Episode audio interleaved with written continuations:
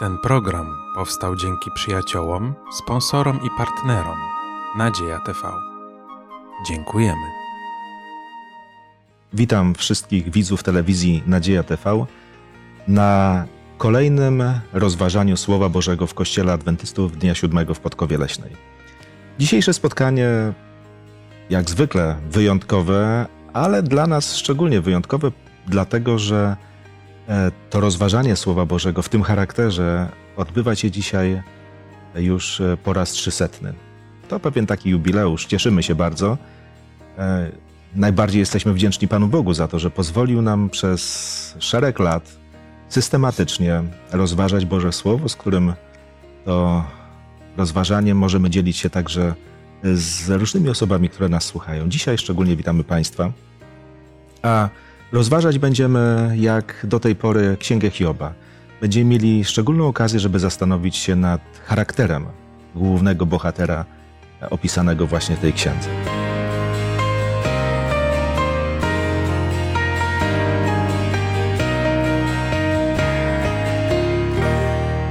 Razem ze mną w rozważaniu Pisma Świętego biorą dzisiaj udział Ewa, Grzegorz, Małgosia, a ja na imię mam Mariusz.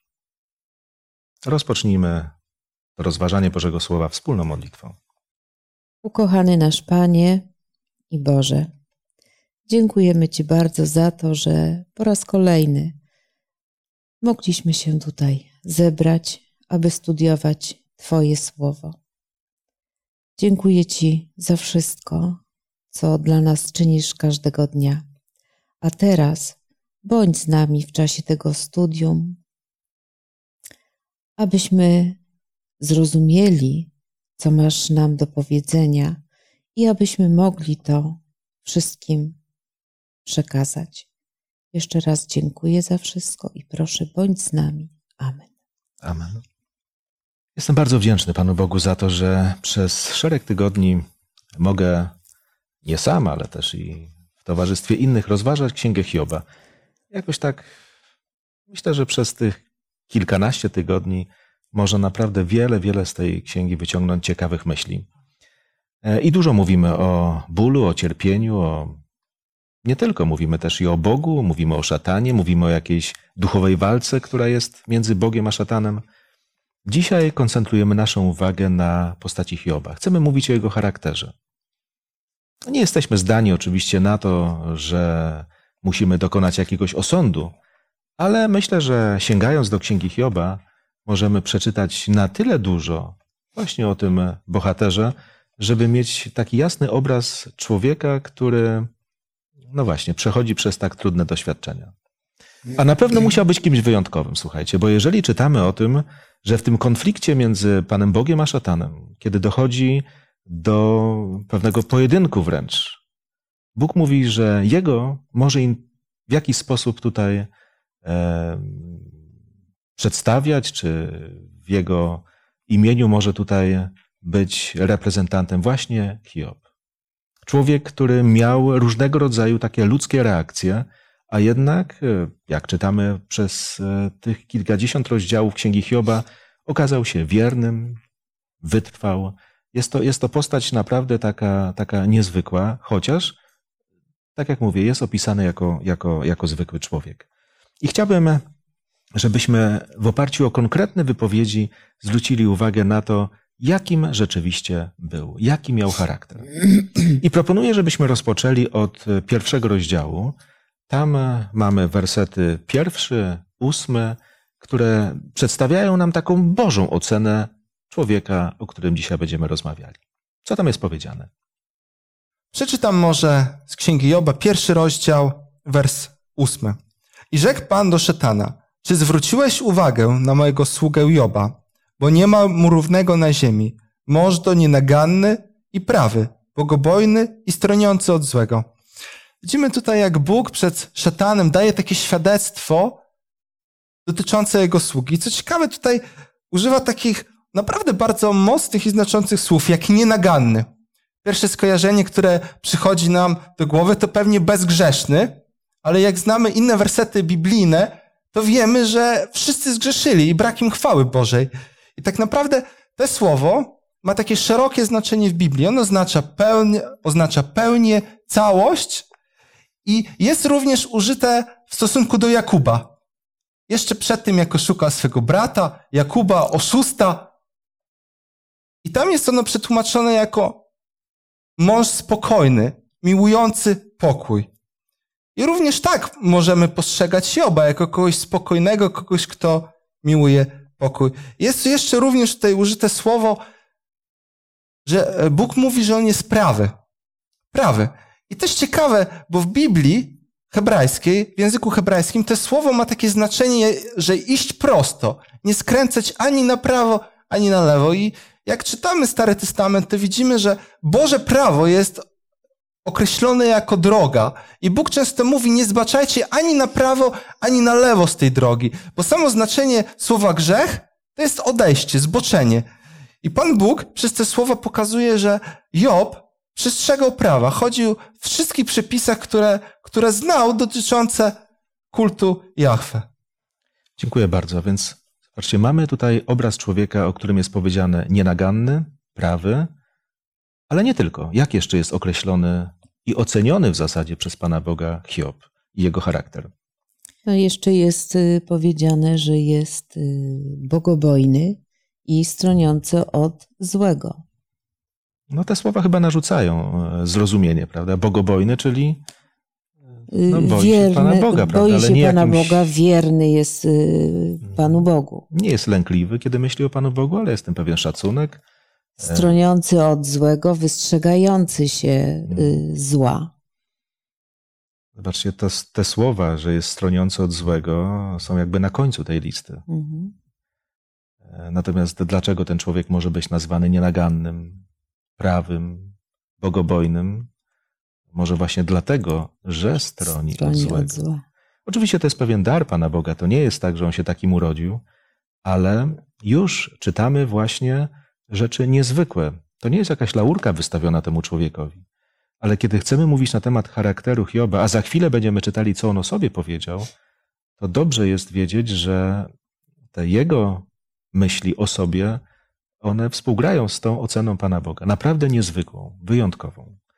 No ale żeby mówić o e, ocenie własnego życia przez Hioba, proponuję, żebyśmy sięgnęli do 29 rozdziału tej księgi. 29 rozdział to jest taki rozdział, który jeszcze mówi o czasach, kiedy Hioba nie dotknęły te różne nieszczęścia. E, On sam mówi o tych czasach, że jest to taki moment, w którym jeszcze go Bóg strzegł, albo jeszcze mocniejszy, taki bardziej e, no, działający na wyobraźnię zwrot, który mówi, że jego nogi kąpały się w mleku wtedy. No ale chciałbym, żebyśmy zwrócili uwagę na wersety od 8 do 11, gdzie jest powiedziane, w jaki sposób odbierany był Hiob, jak był traktowany przez otoczenie. Co tam jest powiedziane? Hiob przede wszystkim był szanowany, y, słuchano się go. No tak jak tutaj Biblia mówi, chociażby w wersecie ósmym, gdy zobaczyli mnie młodzi, ustępowali mi miejsca, podczas gdy sędziwi, dźwignąwszy się ze swoich miejsc, stali. Stojnicy, dostojnicy przerywali swoje mowy i przykładali dłoń do swoich ust. No, był traktowany jak osoba, którą się słucha, którą się szanuje. To możemy sobie wyobrazić teraz czasami, jak wchodzi do sali, nie wiem, jeżeli jesteśmy w pracy, to wchodzi prezes, jeżeli y, obracamy się wśród polityków, to może prezydent, albo wchodzi niemalże królowa czy król, to wtedy faktycznie albo wszyscy wstają, wszyscy milkną i czekają na to, co ta osoba powie. Albo nawet jeżeli nie czekają, to w ten sposób pokazują szacunek. To jest osoba poważana, my chcemy go słuchać, liczymy się z nim. No to pokazuje, że Hiob, no widać, że ten obraz, który wcześniej Bóg nam przedstawia w pierwszym rozdziale, zdecydowanie się zgadza tutaj z tym, co Job mówi. Więc też nie możemy, no ewidentnie Job się nie, Hiob się nie przechwala. Jakby tylko pokazuje przykłady na to, co Bóg wcześniej już mówił. Dziękuję. E, niezwykłe. Był traktowany przez wielkich w sposób e, no niebywały. Traktowano go naprawdę z wielką atencją, bo gdy czytam na przykład werset dziesiąty i tu jest powiedziane głos przywódców milkł, a ich język przylgnął im do podniebienia. Czyli, czyli naprawdę wielcy tamtego świata oddawali mu pełny szacunek. Ale to jest jakby jeden rozdział jego życia. Kiedy czytamy kolejne wersety od 12 do 16, możemy przeczytać o tym, jak Hiob traktował, no właśnie już nie tych wielkich, ale właśnie tych, którzy Potrzebowali, potrzebowali pomocy. pomocy. No i jak on odnosił się do nich. Bo to też mówi dużo o charakterze tego człowieka. Ja może jeszcze chciałam wrócić do tego wersetu 11, który y, pominęliśmy, ale który też jest niezwykły, zanim przejdziemy do tego, jak on traktował ubogich. Ważne jest to, że w 11 wersecie, wersecie ucho, które mnie słyszało, życzyło mi szczęścia. Jak to jest niezwykłe, bo tak naprawdę teraz często, nawet jeżeli komuś się powodzi, to przeważnie ludzie mu zazdroszczą. Ale to, dlaczego mu życzono szczęścia, jest wyjaśnione właśnie, przynajmniej tak mi się wydaje, w tych kolejnych wersetach, yy, w tym, jak Hiob traktował innych ludzi. I tak jak mamy tendencję do zazdroszczenia ludziom bogatym i przeważnie posądzamy ich o to, że w sposób nieuczciwy doszli do tego, co mają, tak tutaj po tym zachowaniu Hioba, jak traktował ubogich, jak traktował yy, biednych czy sieroty, no, za coś takiego faktycznie ten szacunek się zdobywa. W Księdze Joba, 29 rozdziale są wspomniane takie oto słowa w wersetach 15, 16, 17. Byłem oczyma dla ślepego, byłem ojcem dla biednych, kruszyłem szczęki krzywdzić, e, krzywdziciela. Widzimy, że tak naprawdę religia czy pobożność Joba nie była taką pobożną pobożnością odizolowaną od człowieka, gdzieś zamkniętą, gdzie Job się skupiał na modlitwach, na studium słowa, na takim wewnętrznym, duchowym życiu, ale widzimy, że jego pobożność, jego wiara była bardzo praktyczna. On był przy człowieku, przy człowieku, który najbardziej go potrzebował. On wylewał tą Bożą miłość, którą Bóg mu wlewał w serce na innych ludzi. Taka wiara praktyczna. I myślę, że to jest bardzo dobry przykład dla, dla nas jako chrześcijan. Tak, Hiob potrafił obracać się wśród wielkich tego świata, ale jak się okazuje, nie było to takie kółko wzajemnej adoracji, gdzie wszyscy sobie prawili komplementy i byli dla siebie grzeczni i sympatyczni, ale postawa Hioba była taka sprawiedliwa. On się naprawdę podobnie odnosił do, do tych biednych, potrzebujących, a oni również traktowali go właśnie e, no, stosownie do dobra, jakie im wyświadczał. E, Spójrzmy na kolejne, kolejne urywki właśnie tej księgi Hioba. Myślę tutaj o 31 wersecie, e, rozdziale tej księgi, gdy znowu czytamy o tym, w jaki sposób żył, jak się zachowywał Hiob, zanim jeszcze dotknęły go różnego rodzaju nieszczęścia. Mm, znowu, gdybyśmy tak chcieli spojrzeć na to, co jest zapisane w wersetach od pierwszego do 23, może nie sposób teraz wszystko przeczytać, ale które wersety byśmy tak wybrali po to, żeby może nawet je i przeczytać, i delikatnie skomentować, żeby pokazać naprawdę niezwykłe piękno tego charakteru tego człowieka. No, mi się szczególnie y, tutaj spodobał, czy zwrócił moją uwagę werset siódmy z 31 rozdziału, który mówi: Jeżeli mój krok zboczył z właściwej drogi i za oczyma poszło moje serce, a do dłoni moich przylgnęła jaka zmaza, i dalej to niech ja sieje, a inny niech spożywa, i tak dalej. To jest niesamowite, jaką Hiob, jakie Hiob miał zrozumienie grzechu. Że to jest nie tylko to, co robi, ale to są też myśli, to jest ten wzrok, za czym idzie, czyli zdecydowanie y, nie szedł, to co już w pierwszym rozdziale czytaliśmy, że on nie szedł za tym, co on stronił od złego, to jest tutaj rozbudowane w tym siódmym wersecie, że to już nie ten ostatni czyn. On, rozumie, on rozumiał, jak grzech powstaje i on unikał nawet tego, żeby, żeby się gdzieś w ten grzech zaplątać. Podobny werset pierwszy. Zawarłem umowę z moimi oczyma, że nie spojrzę porządliwie na Pannę. Najciężej walczy się z samym sobą. Łatwiej jest kogoś pilnować, łatwiej jest nauczać, czy mówić, jak należy żyć, ale najtrudniej chyba kontrolować samych siebie. I Job dobrze o tym wiedział i też wiedział o swoich słabościach, o tym, w którą stronę go ciągnie, i tą wiedzę potrafił przekuć w czyn. Potrafił z tej całej wiedzy na temat siebie, na temat grzechu, wyciągnąć co, to, co dobre, czyli czyny, aby nie robić tego, co złe, aby nawet nie dawać najmniejszej pożywki dla zła. I za to podziwiam Joba.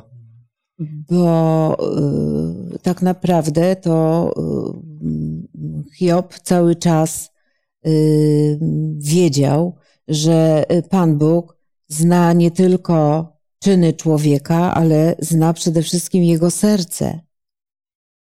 I myślę, że no, to jest bardzo ważne. Ale ja też tutaj zwróciłam uwagę na to, że mm, właśnie w tym 31 rozdziale y, jest to powiedziane, że tak naprawdę y, Job uważał, że przed Bogiem wszyscy są równi. Bo Job stworzył każdego człowieka i tutaj każdy jest równy przed Panem Bogiem. I tu nie ma znaczenia dla niego, czy ktoś był e, człowiekiem e, biednym, ubogim, właśnie takim należało pomoc, pomóc, ale tak naprawdę to przed Bogiem ci wszyscy ludzie są równi. No to, co Ewa powiedziałaś, to jest y, jeszcze ciekawsze, bo musimy pamiętać, że Hiob był bardzo bogaty. Jest powiedziane, że był najbogatszym człowiekiem wschodu. Czyli możemy go porównać teraz właśnie, no nie wiem, do jakiegoś multimilionera. Miał wiele sług, miał służebnice i właśnie te sługi i służebnice traktował jak równe sobie, co możemy przeczytać w wersecie od 13 do 15. Gdybym podeptał prawo mojego sługi lub mojej służebnicy, gdy występowali ze skargą przeciwko mnie, cóż bym począł, gdyby Bóg powstał i cóż bym mu odpowiedział, gdyby badał? Czyż ten, który mnie stworzył w łonie matki, nie stworzył i jego? I czyż nie on jeden ukształtował nas w łonie? Zobaczcie, jaka tu jest sytuacja.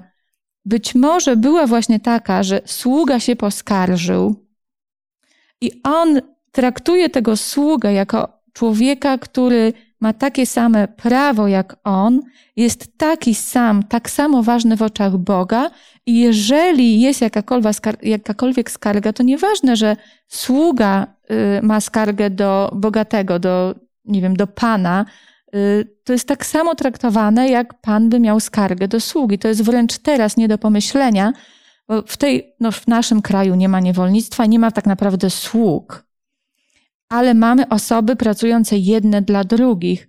I w zwykłej pracy często widać różnicę, jak dyrektor traktuje pracownika, a jak pracownik traktuje dyrektora. I kiedy jest szacunek, to jest super, ale kiedy jest traktowanie z góry tą osobę, już nie mówię o tym, jak się czasami traktuje w pracy osoby, które sprzątają biura, że są, czasami mamy tendencję, że ich wręcz nie zauważamy, a przecież tutaj przez słowa Hioba Bóg nas uczy, że wszyscy jesteśmy równi w oczach Boga. I tyle tysięcy lat temu Hiob to pięknie rozumiał. No i tego Bóg nas przez postawę Hioba też uczy. Tak, zobaczcie, w życiu Hioba słowa coś oznaczają. Jeżeli mówi, że Bóg jest stworzycielem, to dla niego wszyscy jesteśmy braćmi. Jeżeli jest powiedziane, że Bóg jest sędzią, a to oznacza, że stosuje sąd i on dotyka każdego człowieka, i biednego, ale tych bogatych, w tym Hioba również. I wyciąga z tego wnioski, jest konsekwentny. Jest konsekwentny. E, mówisz tutaj o tym różnym traktowaniu. No, rzeczywiście, czasami można zobaczyć takie negatywne przykłady, że mimo tego, że mamy XXI wiek, to jakby w tych relacjach międzyludzkich jest wiele, wiele jeszcze do zrobienia.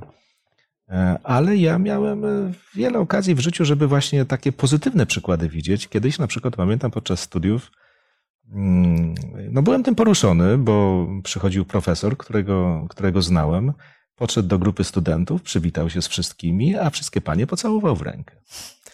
Byłem naprawdę w ciężkim szoku, bo myślę sobie, aż tak nie musiał, bo naprawdę nie musiał. No ale wydarzyło się coś, co zapamiętałem do dzisiaj. Jest naprawdę wyjątkowe taka szarmancja. Mm, ale ten człowiek rzeczywiście taki był. Taki był. E, krążyła taka historia, e, nie byłem tego świadkiem, ale znajomy opowiadał, jak kiedyś właśnie już wieczorem e, wspomniany profesor wszedł na uczelnię i, i pocałował panią sprzątaczkę w rękę na powitanie. Nie, nie widziałem Piękne. tego na własne oczy, ale, ale znowu, coś jest takiego, że można być kimś, kto osiągnął pewien status w życiu, a zarazem nie poprawiać sobie samopoczucia poniżając innych, wręcz przeciwnie. I to jest prawdziwa wielkość. Podoba mi się to bardzo u Hioba. No ale spójrzmy na kolejne wersety. Od wiersza 24 do 34 mamy kolejne jakieś takie wyrazy mówiące o tym, kim był w praktyce, w życiu, w codziennym życiu Hiob. Wybierzmy sobie określone wersety, bo znowu nie musimy czytać wszystkich. Co tam takiego szczególnego nas porusza? To może ja przeczytam wersety 24 i 25. Jeżeli w złocie pokładałem nadzieję i do szczerego złota mówiłem, Tyś ufnością moją, jeżeli się cieszyłem z mojego wielkiego bogactwa i z pokaźnego mienia zdobytego swoją ręką. Mimo tego, iż Job był najbogatszym człowiekiem na wschodzie, jak już tutaj powiedzieliśmy, to on nie pokładał tej ufności w swoich dobrach materialnych. I to też świadczy o, wielkiej, o wielkości Joba. No bo jednak my, jako ludzie na tym świecie, bardzo często dążymy do zapewnienia takiego dobrobytu dla siebie, dla swojej rodziny, dla swoich bliskich, abyśmy mieli, czasami nawet ponad nas stan, ale bardzo często się dzieje tak, że potem te pieniądze przesłaniają nam zupełnie obraz Pana Boga. Paweł w swoim liście do Tymoteusza pisał, że korzeniem wszelkiego zła jest miłość pieniądza. I mimo tego, iż Job miał naprawdę dużo i mógłby pewnie na, na złotym łóżku spać, to jego ufnością był Pan Bóg. On nie patrzył na te dobra, które i tak przyminął, na te swoje bogactwa, które potem obrócą się w pył. On patrzył na Pana Boga. Potrafił korzystać z tego, co ma, ale zobaczmy jeszcze inne jakieś aspekty jego życia opisane w tym urywku. No, na przykład yy, wiadomo, jak to w życiu bywa. Czasami być może miewał wrogów, ale jest powiedziane, i mamy to w wersecie 29. Jeżeli cieszyłem się z upadku mojego wroga i, triumfowa, i triumfowa, triumfowałem, że spotkało go coś złego, nigdy nie dopuściłem, aby moje usta zgrzeszyły, przeklinając go na śmierć. Y, no, to jest takie cenne, bo wiemy, że my jako ludzie to tak czasami no, w stosunku do osób, które nie są nam życzliwe, możemy się y, różnie zachować. A jednak Job czynił to inaczej. Człowiek rzeczywiście wielkiego formatu. Moglibyśmy tu czytać między innymi, no nie wiem, werset 26, 27, które mówią o tym, że na pewno nie był bałwochwalcą.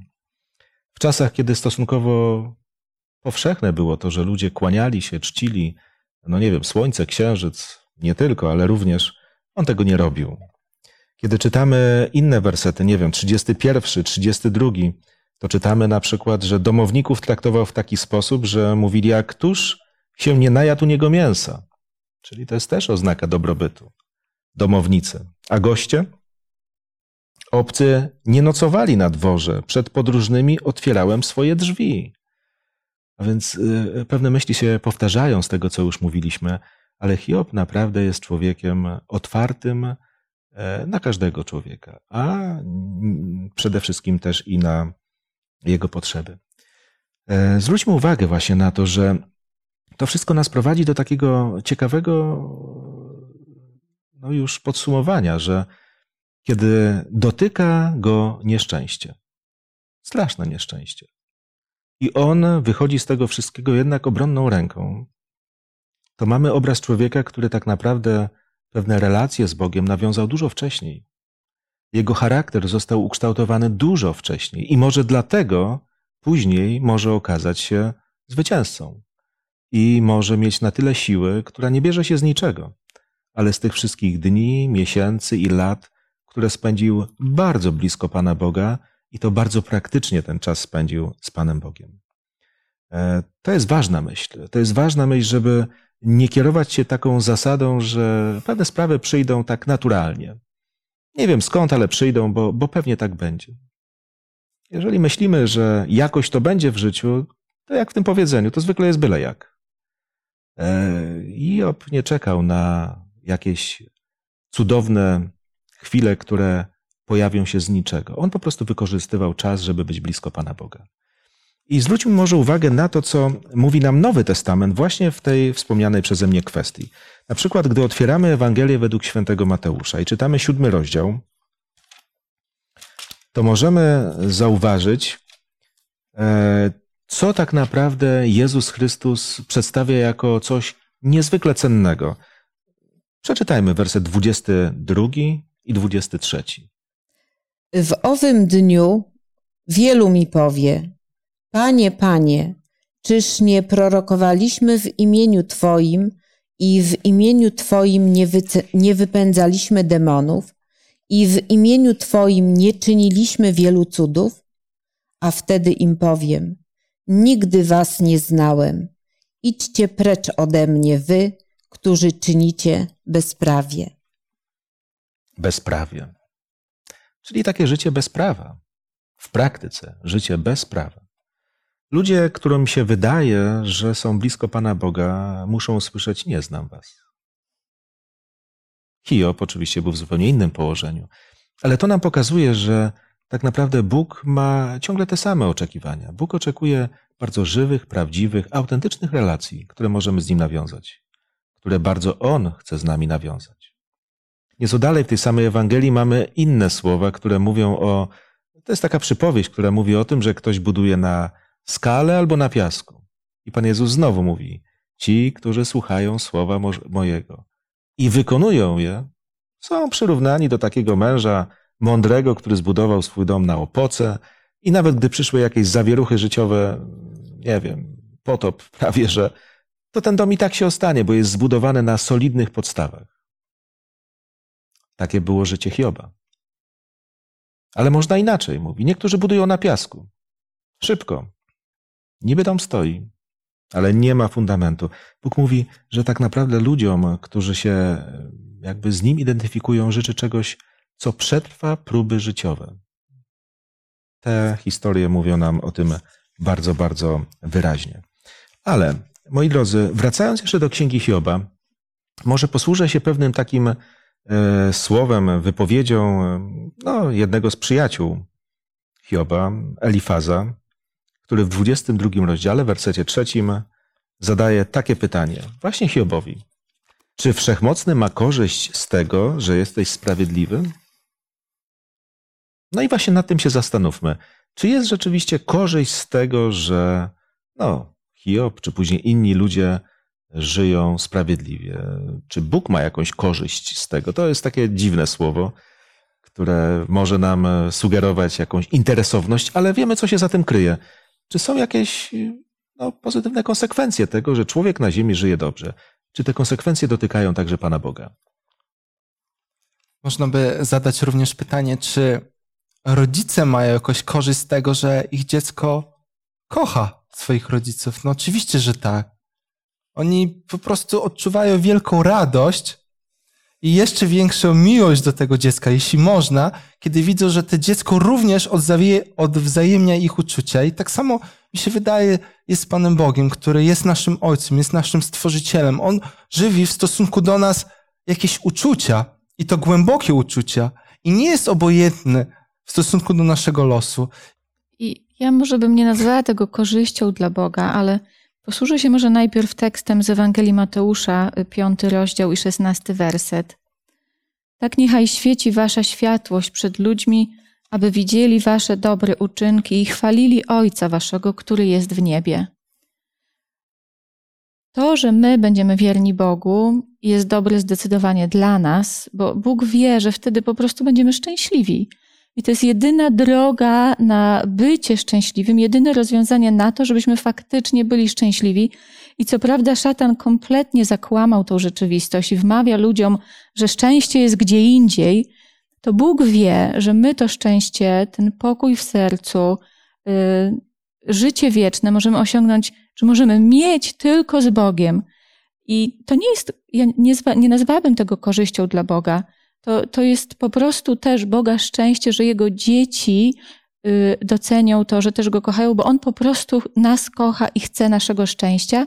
Tak samo jak odniosłeś się, Grzesiu, do, do rodziców, Y, jeżeli ja patrzę na swoje dziecko i widzę, że ono się zachowuje dobrze według tych zasad, które ja nakreślam i dzięki temu jest bezpieczne, to ja jestem szczęśliwa, dlatego że to dziecko kocham. Czy ja mam z tego jakąś korzyść? No nie wiem, ale z drugiej strony, to w tym wersecie, w piątym y, y, rozdziale Ewangelii Mateusza, z tego mają korzyść inni ludzie, bo oni patrząc na nas, mogą zobaczyć Boga, jak Boża miłość w nas działa i mogą przez to chwalić Boga. Tak, gdy patrzymy na żyjących i świecą dobrym przykładem, ale my, zobaczcie, przez te ostatnie tygodnie jakby cofamy się całe wieki wstecz i też wielbimy Pana Boga, mówiąc zaraz, zaraz. Naprawdę Bóg nie jest zły. Różne trudne chwile, które przeżywamy w życiu, one nie dzieją się bez jakby Bożej obecności, bez Bożej kontroli, bez Bożej pomocy, której dostajemy. I dziękujemy Panu Bogu za wszystko to, co przeżył Hiob. Za wszystko to, co później zostało jeszcze odkryte z tych, tych tajemnych rzeczy, których na początku sam Hiob nie znał. Jakby w podobnej tonacji są słowa z listu do Efezjan. Też bym prosił, żebyśmy je przeczytali, bo apostoł Paweł, kiedy mówi o życiu chrześcijańskim, o życiu Kościoła chrześcijańskiego, mówi, jak daleko, daleko sięga właśnie konsekwencja tego, że obraliśmy taką, a nie inną drogę. Trzeci rozdział listu do Efezjan i werset dziesiąty. Jeżeli ktoś może, to bardzo proszę przeczytaj. Aby teraz nadziemskie władze i zwierzchności w okręgach niebieskich poznały przez Kościół różnorodną mądrość Bożą. Mówimy o korzyściach ludzi, którzy patrzą na dobre życie innych. A tutaj czytamy coś więcej, a mianowicie czytamy o tym, że nawet jakieś nadziemskie władze, a więc mówimy o pewnym świadectwie, które wydawane jest o Bogu, takie dobre świadectwo. Właściwie w całym wszechświecie. Bóg jest tego godny, żebyśmy go chwalili, żebyśmy go wielbili, ale życie człowieka może to uczynić w sposób wyjątkowy, jeżeli jest takie, jak należy.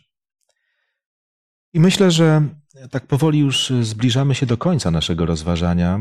Z jednej strony, jeszcze raz, uwypukliliśmy to, jak opisane jest e, życie, charakter e, księgi, e, bohatera księgi Hioba, ale chciałbym przytoczyć słowa, które wypowiedział apostoł Paweł. One są z listu do Galacjan z czwartego rozdziału, gdzie apostoł z pełną troską mówi o chrześcijanach w taki sposób.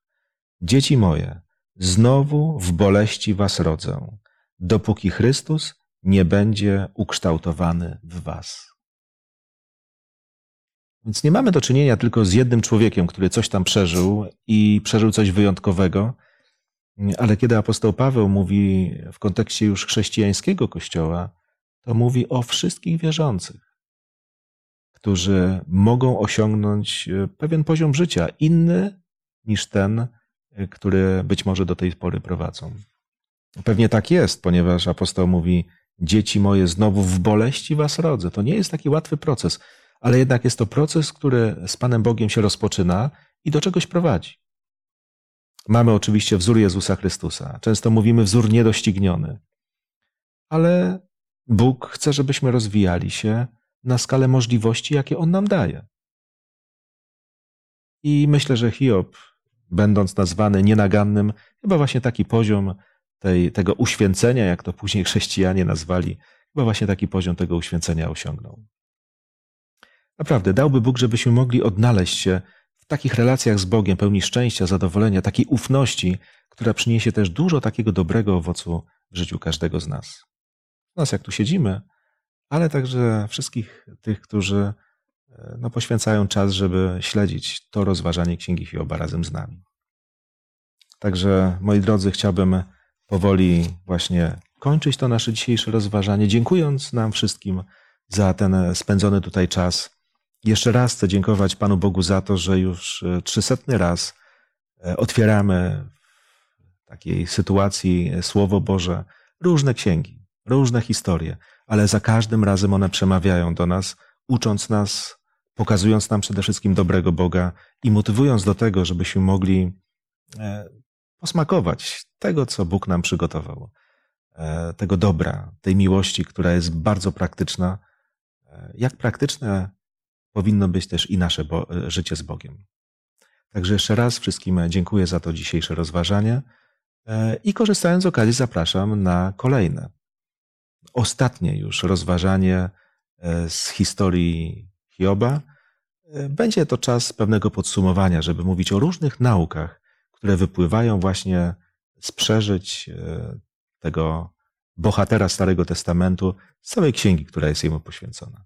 Oczywiście zakończymy to nasze rozważanie też i wspólną modlitwą. Bardzo proszę. Panie nasz i Ojcze, dziękujemy Ci bardzo za tą lekcję Hioba. Dziękujemy Ci za to, że możemy się z niej uczyć i Boże spraw, żebyśmy mieli takie doświadczenia i taką drogę do Ciebie, jak mał Hiob, żebyśmy tak jak on, bez względu na sytuację, mogli powiedzieć: Pan dał, Pan wziął, niech będzie imię Pańskie błogosławione. W imieniu Jezusa Chrystusa. Amen. Amen. Amen.